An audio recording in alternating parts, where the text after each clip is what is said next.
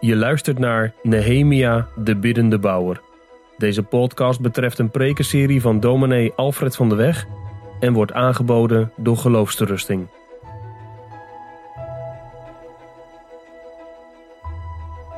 We vervolgen deze avond de prekenserie over Nehemia en lezen samen het negende hoofdstuk. Het is een wat langer hoofdstuk, maar de inhoud is zo rijk dat ik toch voorstel om dit hele hoofdstuk vanavond te lezen met u. Nehemia 9 is dus in het geheel de schriftlezing voor vanavond.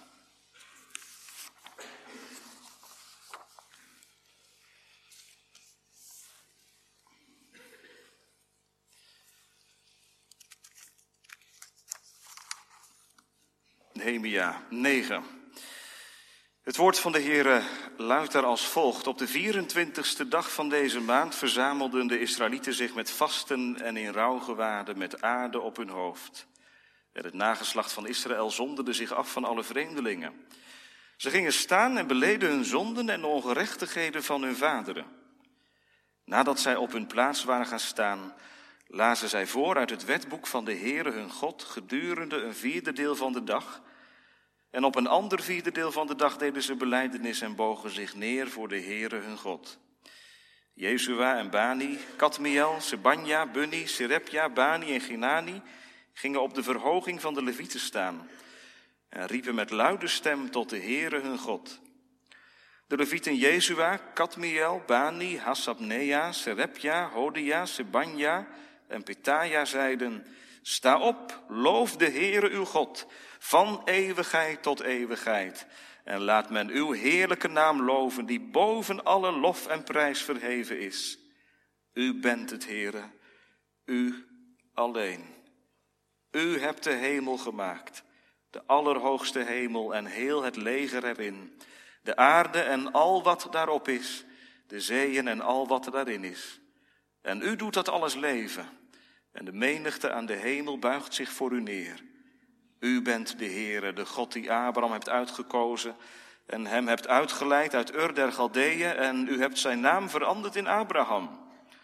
U hebt zijn hart trouw bevonden voor uw aangezicht en u hebt een verbond met hem gesloten om hem het land te geven van de Canaanieten, de Hethieten, de Amorieten, de Ferezieten, de Jebusieten en de Girgazieten, om het te geven aan zijn nageslacht.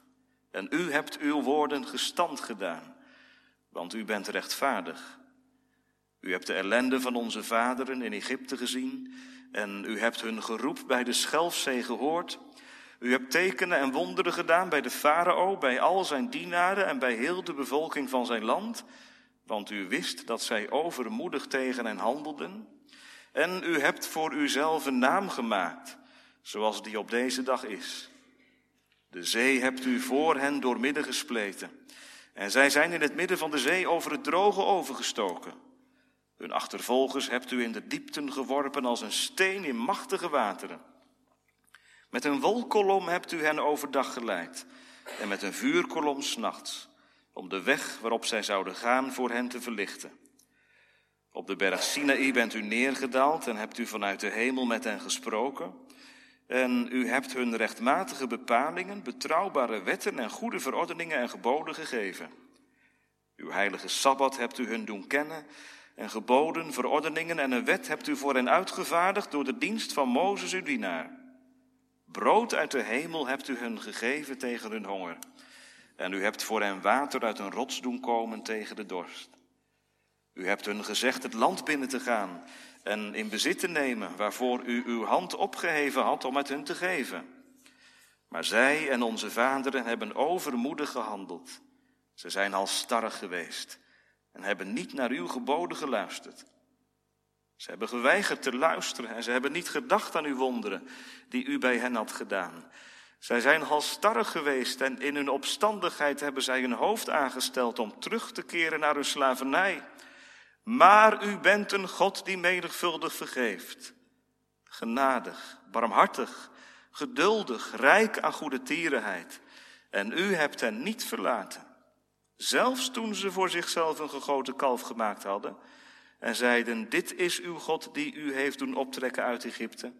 En grote godslasteringen hadden gepleegd hebt u hen in uw grote barmhartigheid toch niet verlaten in de woestijn.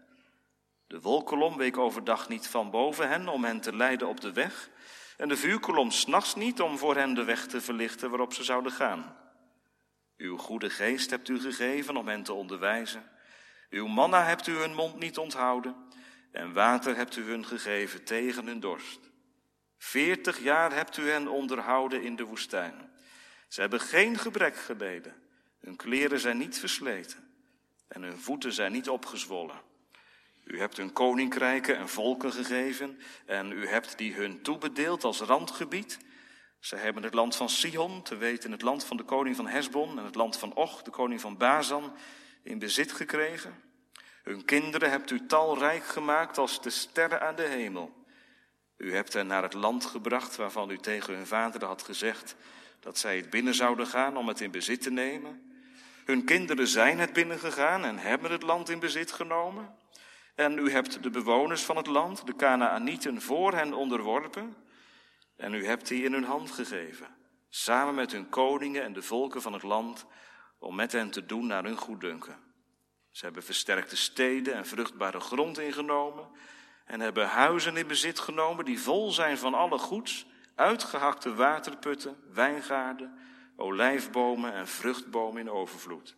Ze hebben gegeten en zijn verzadigd en welvarend geworden en hebben als in een lusthof geleefd door uw grote goedheid. Zij zijn echter ongehoorzaam geworden en zijn tegen u in opstand gekomen en ze hebben uw wet verworpen en uw profeten gedood, die bij hen hebben getuigd om hen tot u te doen terugkeren. Zo hebben zij grote godslasteringen gepleegd. U hebt hen overgegeven in de hand van hun tegenstanders en die hebben hen benauwd. Maar als zij ten tijde van hun benauwdheid tot u riepen, hoorde u hen vanuit de hemel en gaf u hun overeenkomstig uw grote barmhartigheid verlossers, die hen uit de hand van hun tegenstanders verlosten. Maar als ze rust gekregen hadden, deden ze opnieuw wat kwaad is voor uw aangezicht. Dan gaf u hen weer over in de hand van hun vijanden, en die heerste dan weer over hen. Als zij zich dan bekeerden en tot u riepen, hoorde u vanuit de hemel en redde hen vele malen, overeenkomstig uw barmhartigheid. U hebt hen gewaarschuwd om hen te doen terugkeren naar uw wet, maar zij hebben overmoedig gehandeld.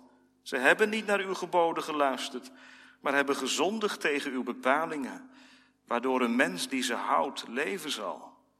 Zij zetten hun schouders er dwars tegen in. Ze waren halstarrig en luisterden niet. Vele jaren bent u geduldig geweest ten opzichte van hen. En hebt u hen door uw geest gewaarschuwd, door de dienst van uw profeten. Maar ze namen het niet ter oren. Toen hebt u hen in de hand van de volken van de landen overgegeven. Door uw grote barmhartigheid hebt u hen niet vernietigd en hebt u hen niet verlaten, want u bent een genadig en barmhartig God. Wel nu, onze God, o grote, geweldige en onzagwekkende God, die het verbond en de goede tierenheid in acht neemt, laat al de moeite die ons heeft getroffen niet gering zijn voor uw aangezicht. Onze koningen, onze vorsten, onze priesters, onze profeten en onze vaderen, heel uw volk, vanaf de dagen van de koningen van Assyrië tot op deze dag. U bent echter rechtvaardig geweest in alles wat ons is overkomen.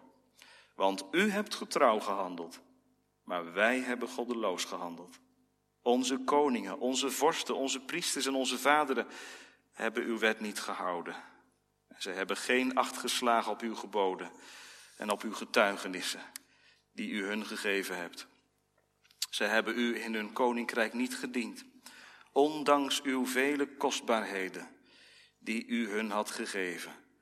En ondanks het uitgestrekte en vruchtbare land dat u aan hen overgegeven had.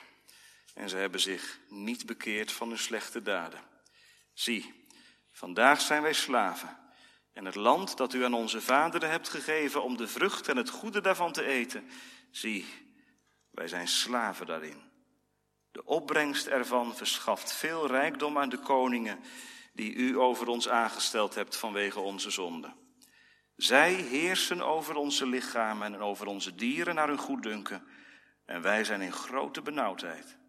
Op grond van dit alles sluiten wij een vaste overeenkomst en stellen die op schrift met het zegel van onze vorsten, levieten en priesters.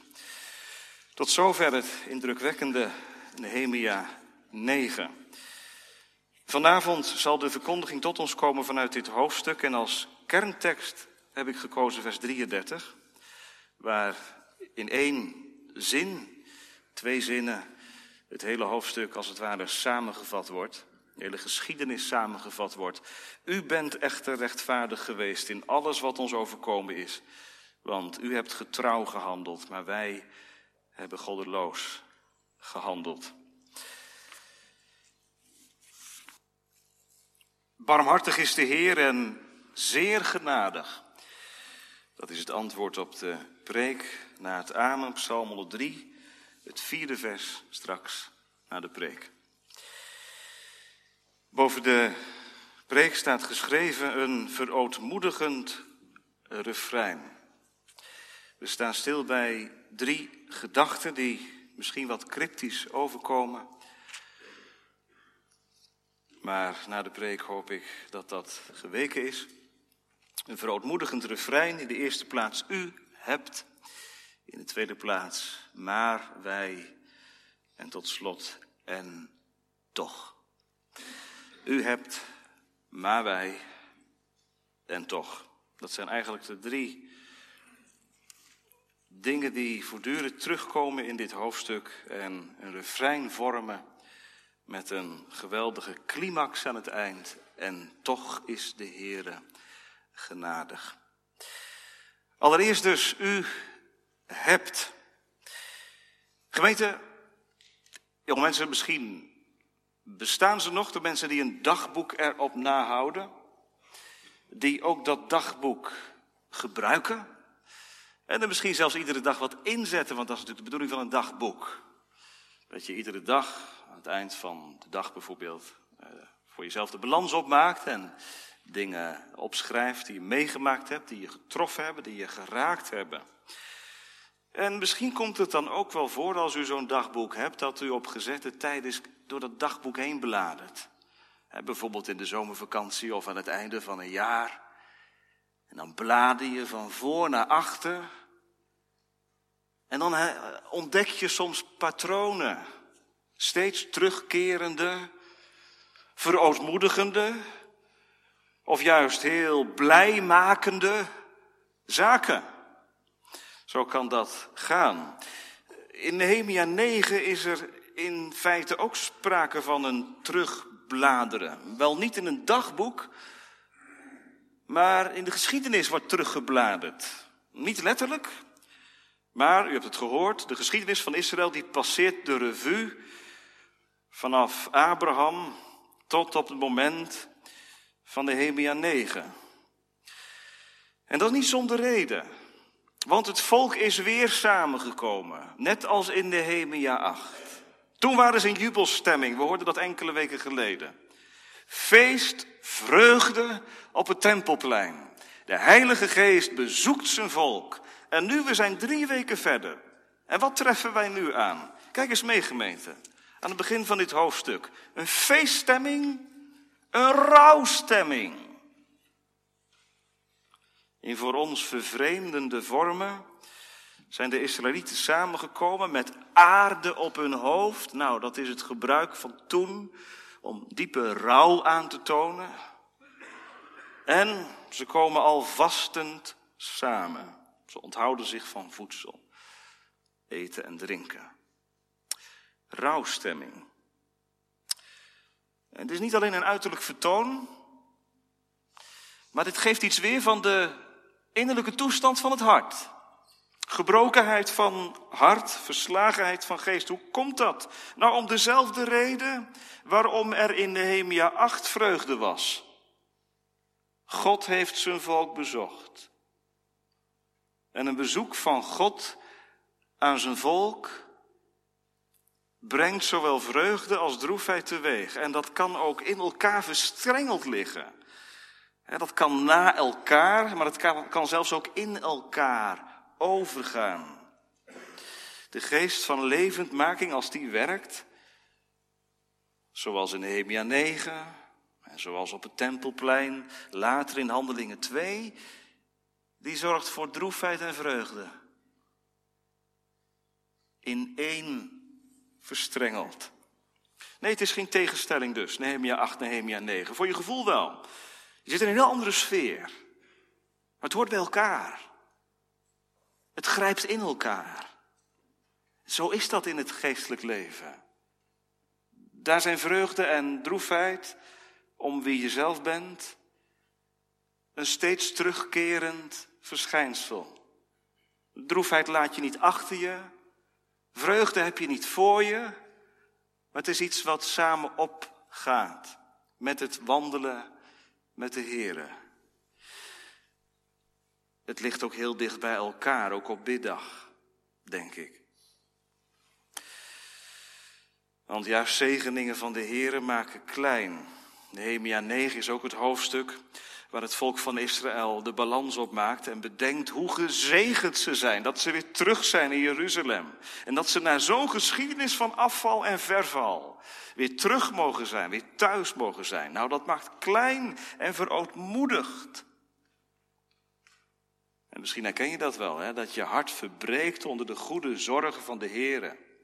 Als je terugblikt op het achterliggende seizoen, kun je alleen maar zeggen, Heer, u bent goed geweest. Geen kwaad woord van u. U bent trouw. U hield woord.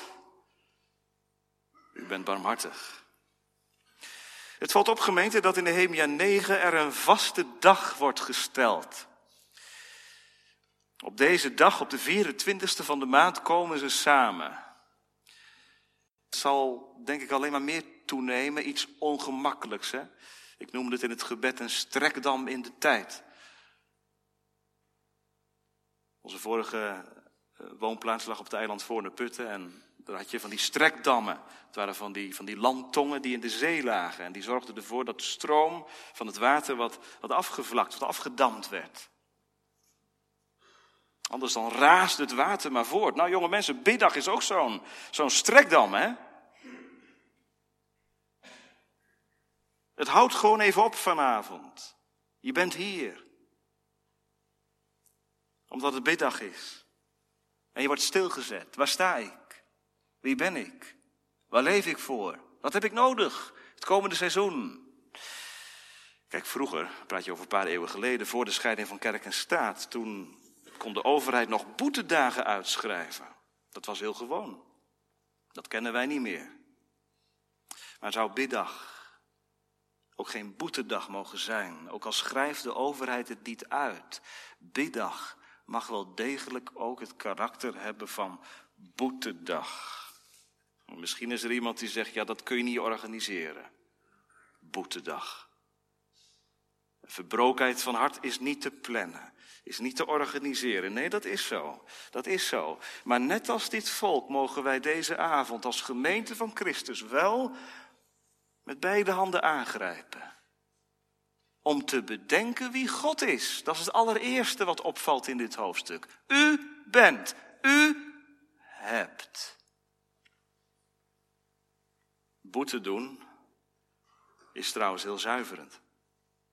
Heeft niets te maken met, met, met zwaarmoedigheid en met somberheid en met depressiviteit en zo. Boete doen is heel zuiverend. Je plaats weten voor Gods aangezicht. Je klein weten. En dat is trouwens de juiste gestalte op de biddag. Als je klein wordt voor God. Hoe word je klein voor God? Nou, ga eerst maar eens bedenken wie Hij is. Prachtig hoe de levieten daarin voorgaan.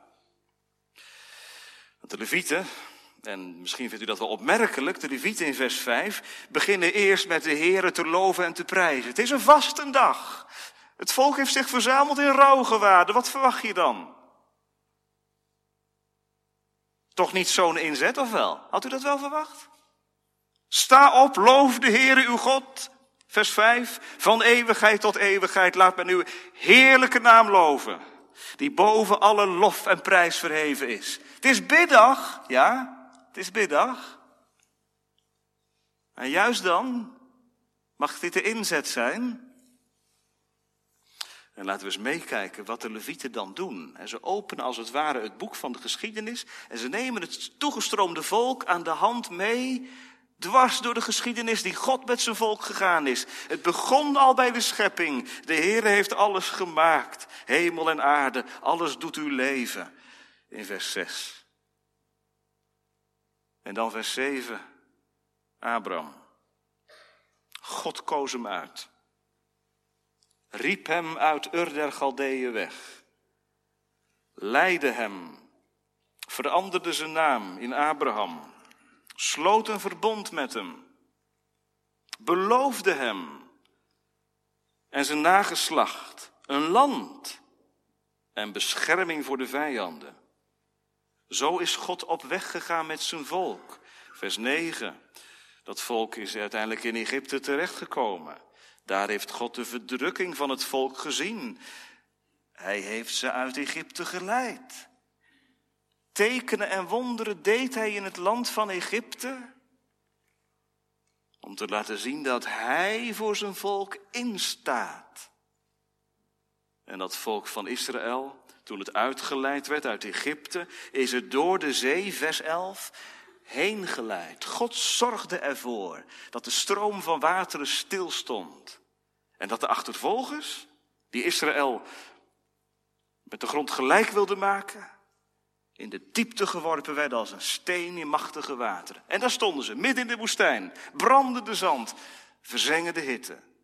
Maar God zorgde ervoor, door de wolkolom en de vuurkolom, dat ze veilig geleid werden van stap tot stap, van dag tot dag, veertig jaren lang.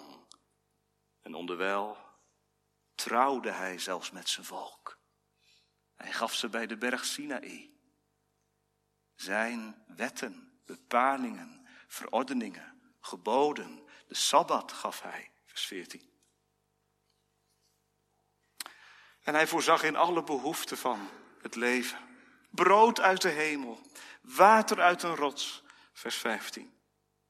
En hij leidde ze binnen in het land wat vloeide van melk en van honing. Gemeente, weet je wat opvalt? U hebt. U deed het. U bent goed.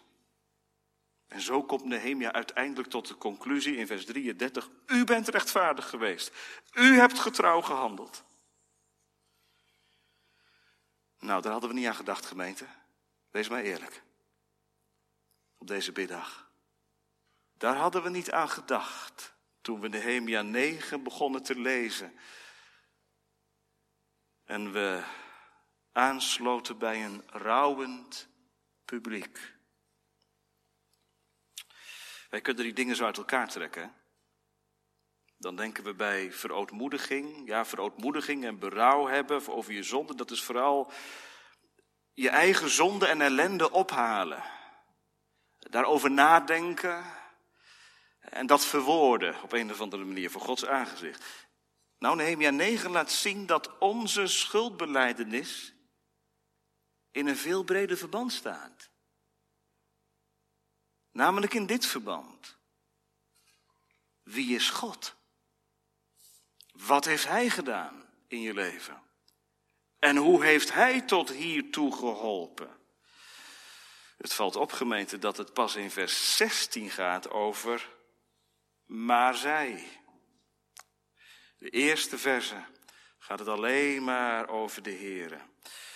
Nou, gemeente, doe uw levensboek eens open op deze biddag. Mag het dagboek zijn, hè, wat je bijhoudt.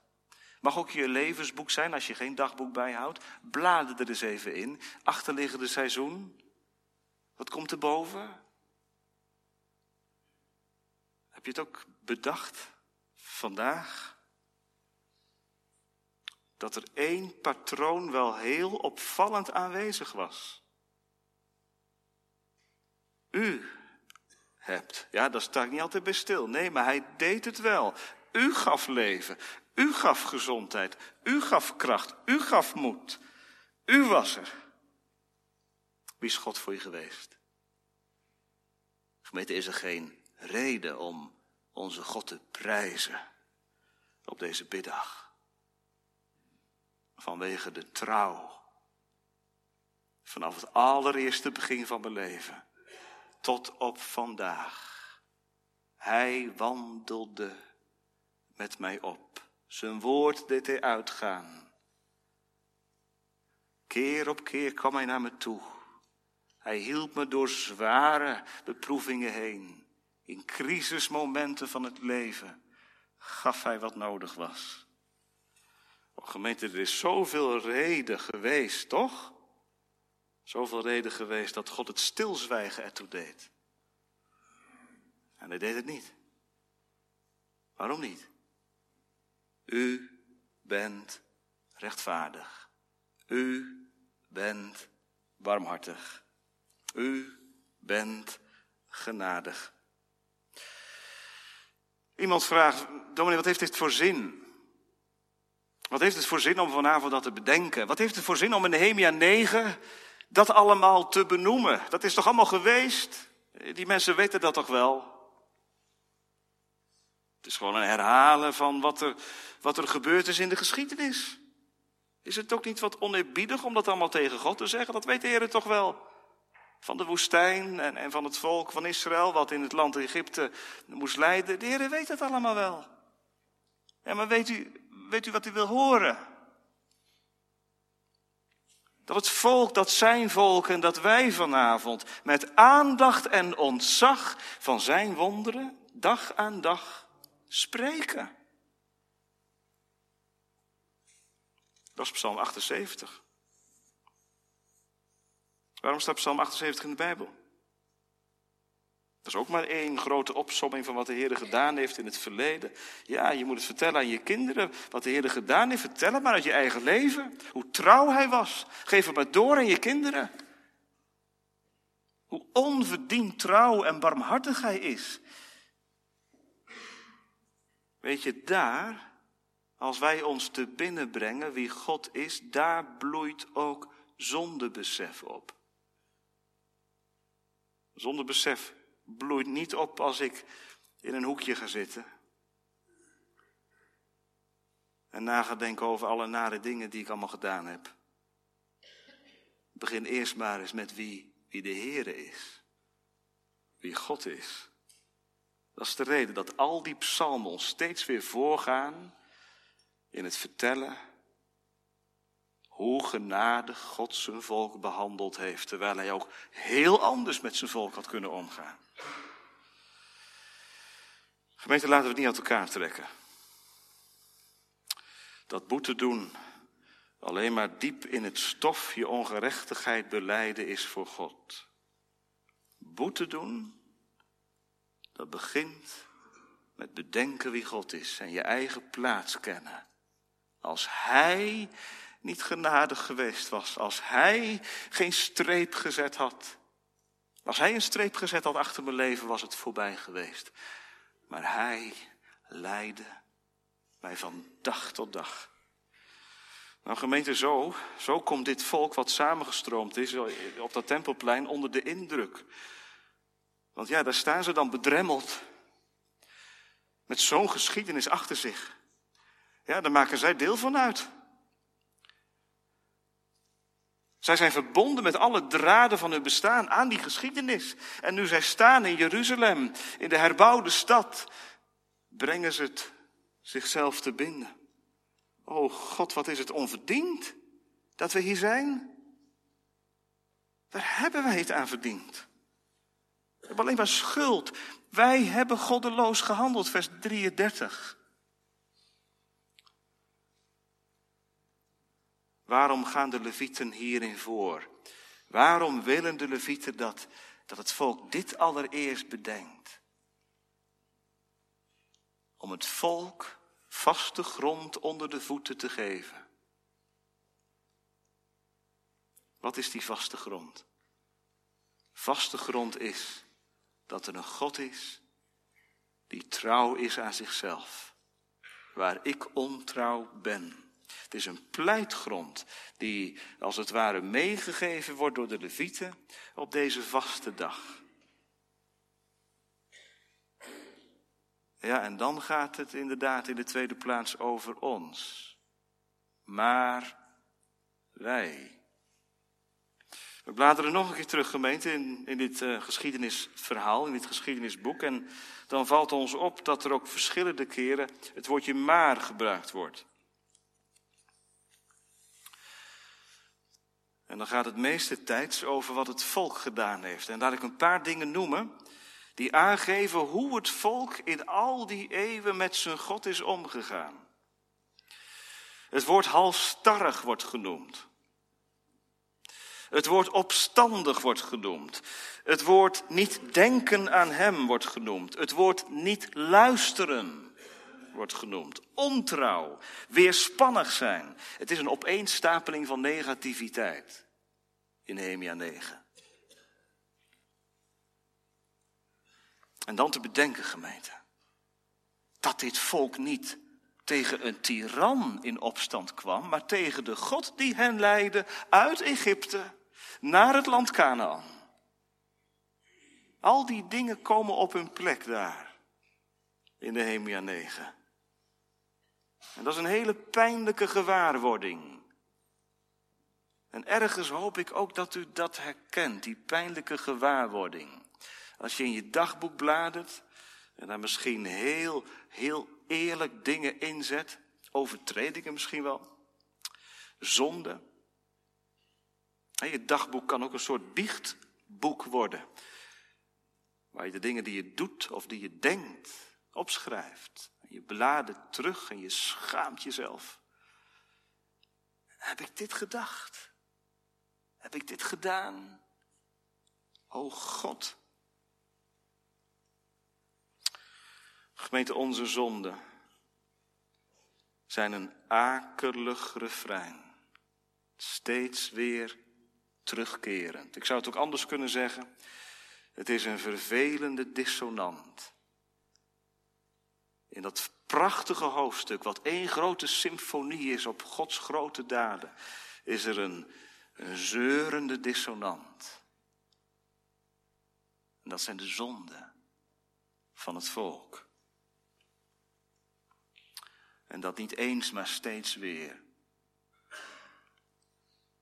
God gaat steeds door met genadig zijn. En het volk gaat steeds weer door met zonden doen. Ondanks de waarschuwingen en de vermaningen vallen ze voortdurend weer in dezelfde zonde. Ontrouw, God niet geloven, eh, de wet van God aan de kant schuiven, andere goden verkiezen. Gemeente, wat is dit? Nehemia 9 is geen mooi verhaal over ons. Nehemia 9 geeft de weerbarstige werkelijkheid aan van het zondaarsbestaan.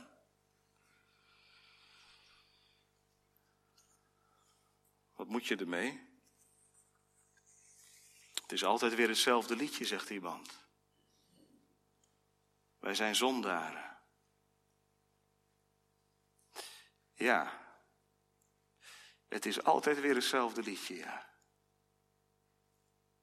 En hoe pijnlijk is dat? Gemeente, hoe is het bij ons? Als je Nehemia 9 beladert, heb je dan ook het gevoel dat je in de spiegel kijkt? En dat je voor het volk van Israël ook gerust je eigen naam in kunt vullen? Dat je niet beter bent dan het volk van Israël? Dat je hem ook zo vaak vergeet? Dat je eigen rechten laat gelden? Dat je in de nood tot de Heer geroepen hebt en de Heer heeft je gehoord. Een paar dagen later val je in dezelfde zonde.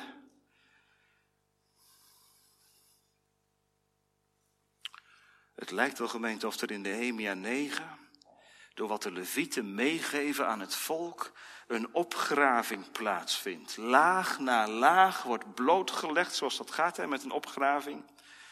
En steeds meer ongerechtigheid komt naar voren, komt naar boven. En alles wordt open en bloot neergelegd voor Gods aangezicht. Gemeente, deze mensen hebben geen been meer om op te staan. Wij hebben gezondigd.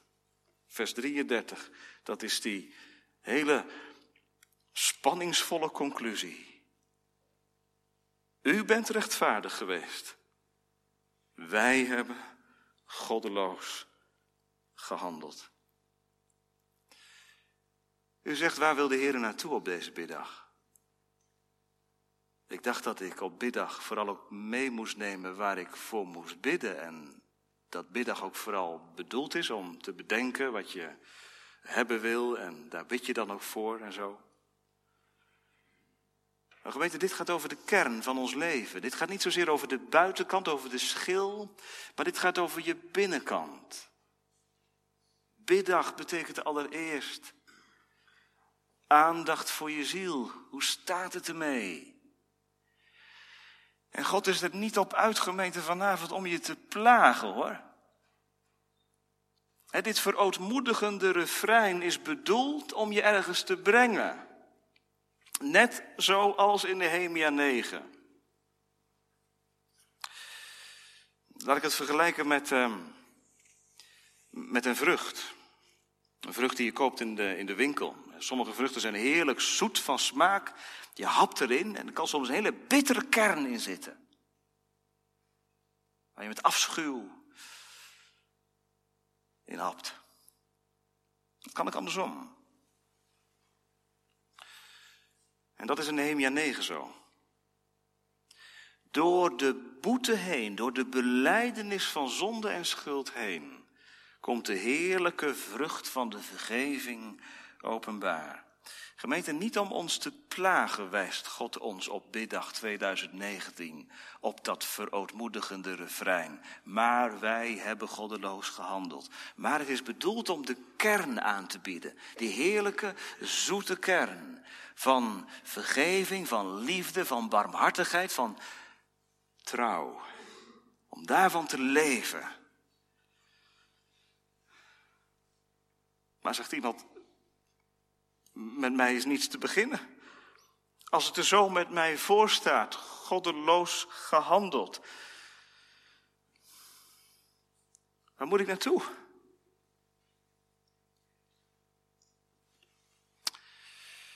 Ik heb gezondigd tegen een God die rijk is in barmhartigheid, die zijn lieve zoon heeft gegeven. Waar moet ik naartoe vanavond? Naar diezelfde God die zich in Nehemia 9 openbaart als de God die trouw leidt, die barmhartig en genadig is en die mild is in het vergeven, die traag is tot toorn en haastig is om zichzelf bekend te maken. Er zitten hier vast mensen vanavond die ook moe zijn van zichzelf. En ze zullen er ook geweest zijn in Nehemia 9. Toen de Levieten vertelden over hoe het volk eraan toe was. Met die opeenstapeling van goddeloosheid. Moe. Maar laat die vermoeidheid je niet bij God vandaan houden. Je kunt jezelf moe zijn en je berouw moe zijn. En je zoeken zelfs moe zijn. Maar weet je wie niet moe wordt? God. Jacqueline van der Waals heeft dat prachtig onder woorden gebracht. Ik ben mijn zonde moe en mijn berouw ik ben mijzelf moe en ik ben het zoeken moe naar God, die ik niet ken en die ik toch zo gaarne kennen zou. Ik ben mijn zwakheid moe en mijn verdriet, mijn arbeid en mijn hoop en mijn genot, maar bovenal het zoeken naar mijn God. Ik ben het zoeken moe, maar God niet. Hij ziet en kent mijn zonde en vergeeft ze zeventig maal, zevenmaal en meer. Hij wil niet dat mijn ziel sterft, maar leeft. O wonderbare goedheid van de Heer, die naar zo moedeloos een ziel nog vraagt, die alle dingen en ook mij verdraagt. Weet je waarom Nehemia 9 in de, in de Bijbel staat? Omdat er een God is die alle dingen en ook mij verdraagt. En daarom is het biddag vanavond. Omdat in die geweldige spanning die wordt opgebouwd in dit hoofdstuk, van enerzijds de trouw van de Heer, u bent, u hebt, anderzijds de afval van het volk, maar wij, er iets gaat opbloeien. En toch, En dat is de ontlading, gemeente, ons laatste gedachte. Twee woordjes, en toch. Die God zondaren wil laten spellen. En toch. Met recht kun je je afvragen. Wat moet God met dit volk doen? Op dit punt aangekomen. Heeft ze rijk gezegend, thuisgebracht. Wat gaat hij doen? U weet dat na Nehemia 9 nog een paar hoofdstukken komen. En dat de geschiedenis verder gaat. En dat de geschiedenis zich herhaalt. En dat de afval doorgaat, zelfs na Nehemia 9. Waar wil God naartoe? Gemeente dat wij door de knieën gaan op middag. En uitkomen bij twee woordjes. En toch. Dat is wat de Levieten uiteindelijk in vers 32 doen. Wel nu, na alles wat gezegd is over Gods barmhartigheid en over de afval van het volk. Wel nu, onze God. Hoe durven ze? Dit is de vrijmoedigheid van het geloof. Wel nu. Wij hebben geen benen op te staan.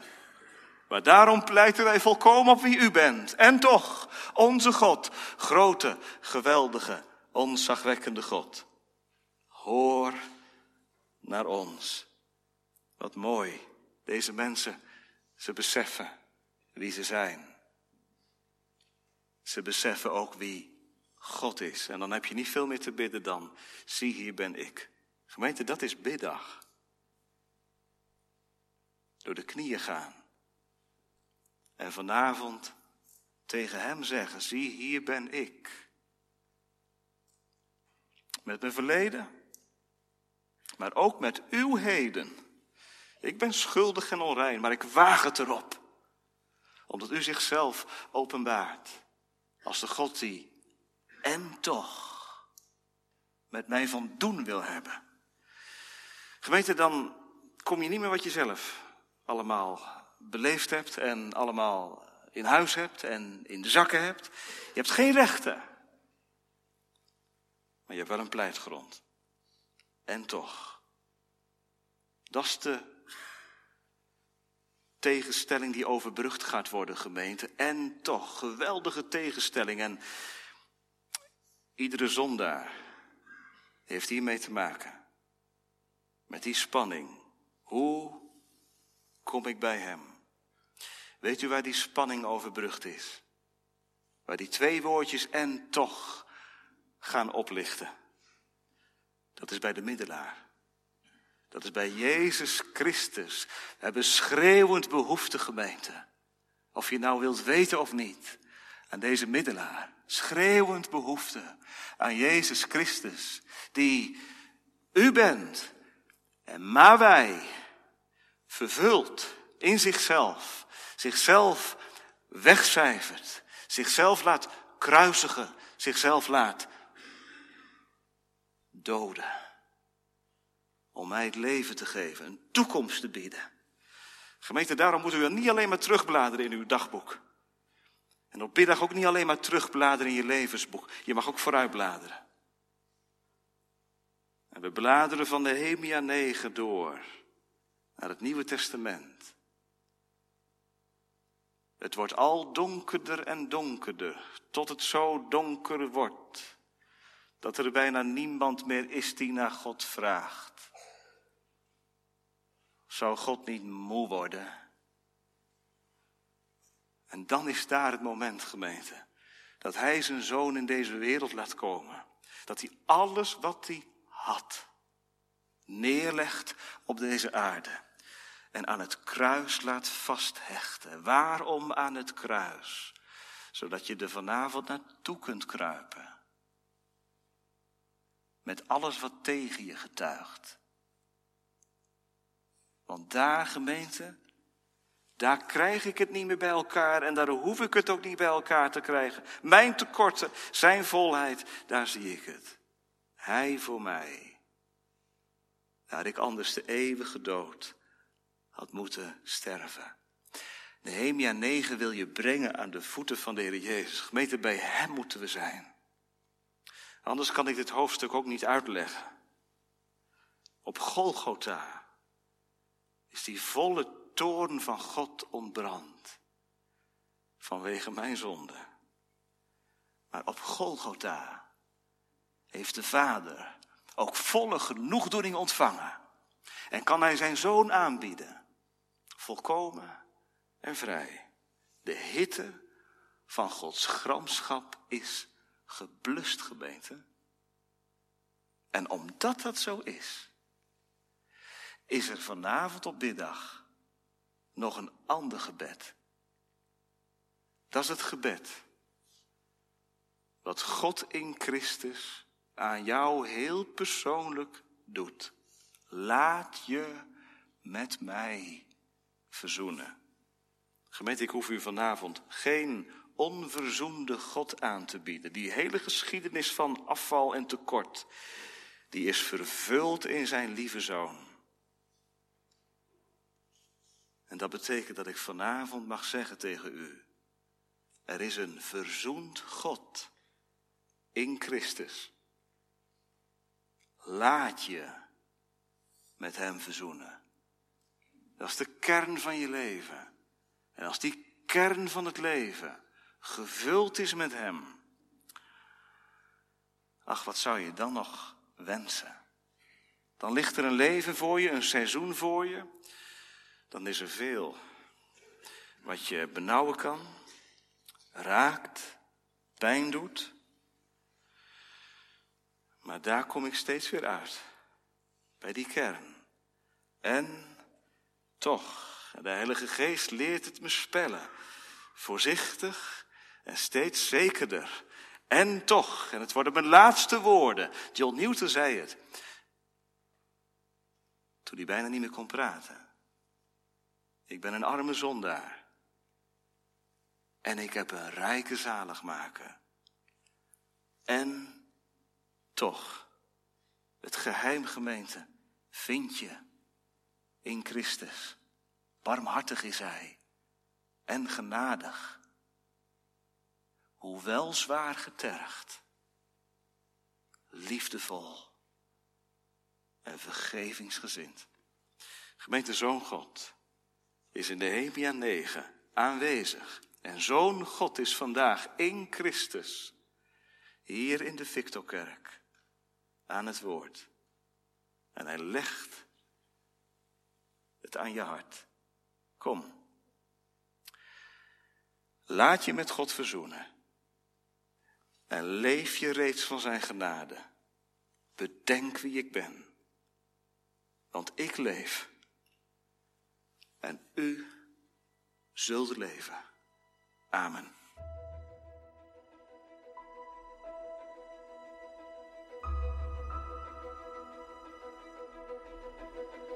Je luisterde naar een podcast van Geloofsterusting. Wil je meer luisteren, lezen of bekijken? Steun dan onze missie en ga naar de website geloofsterusting.nl.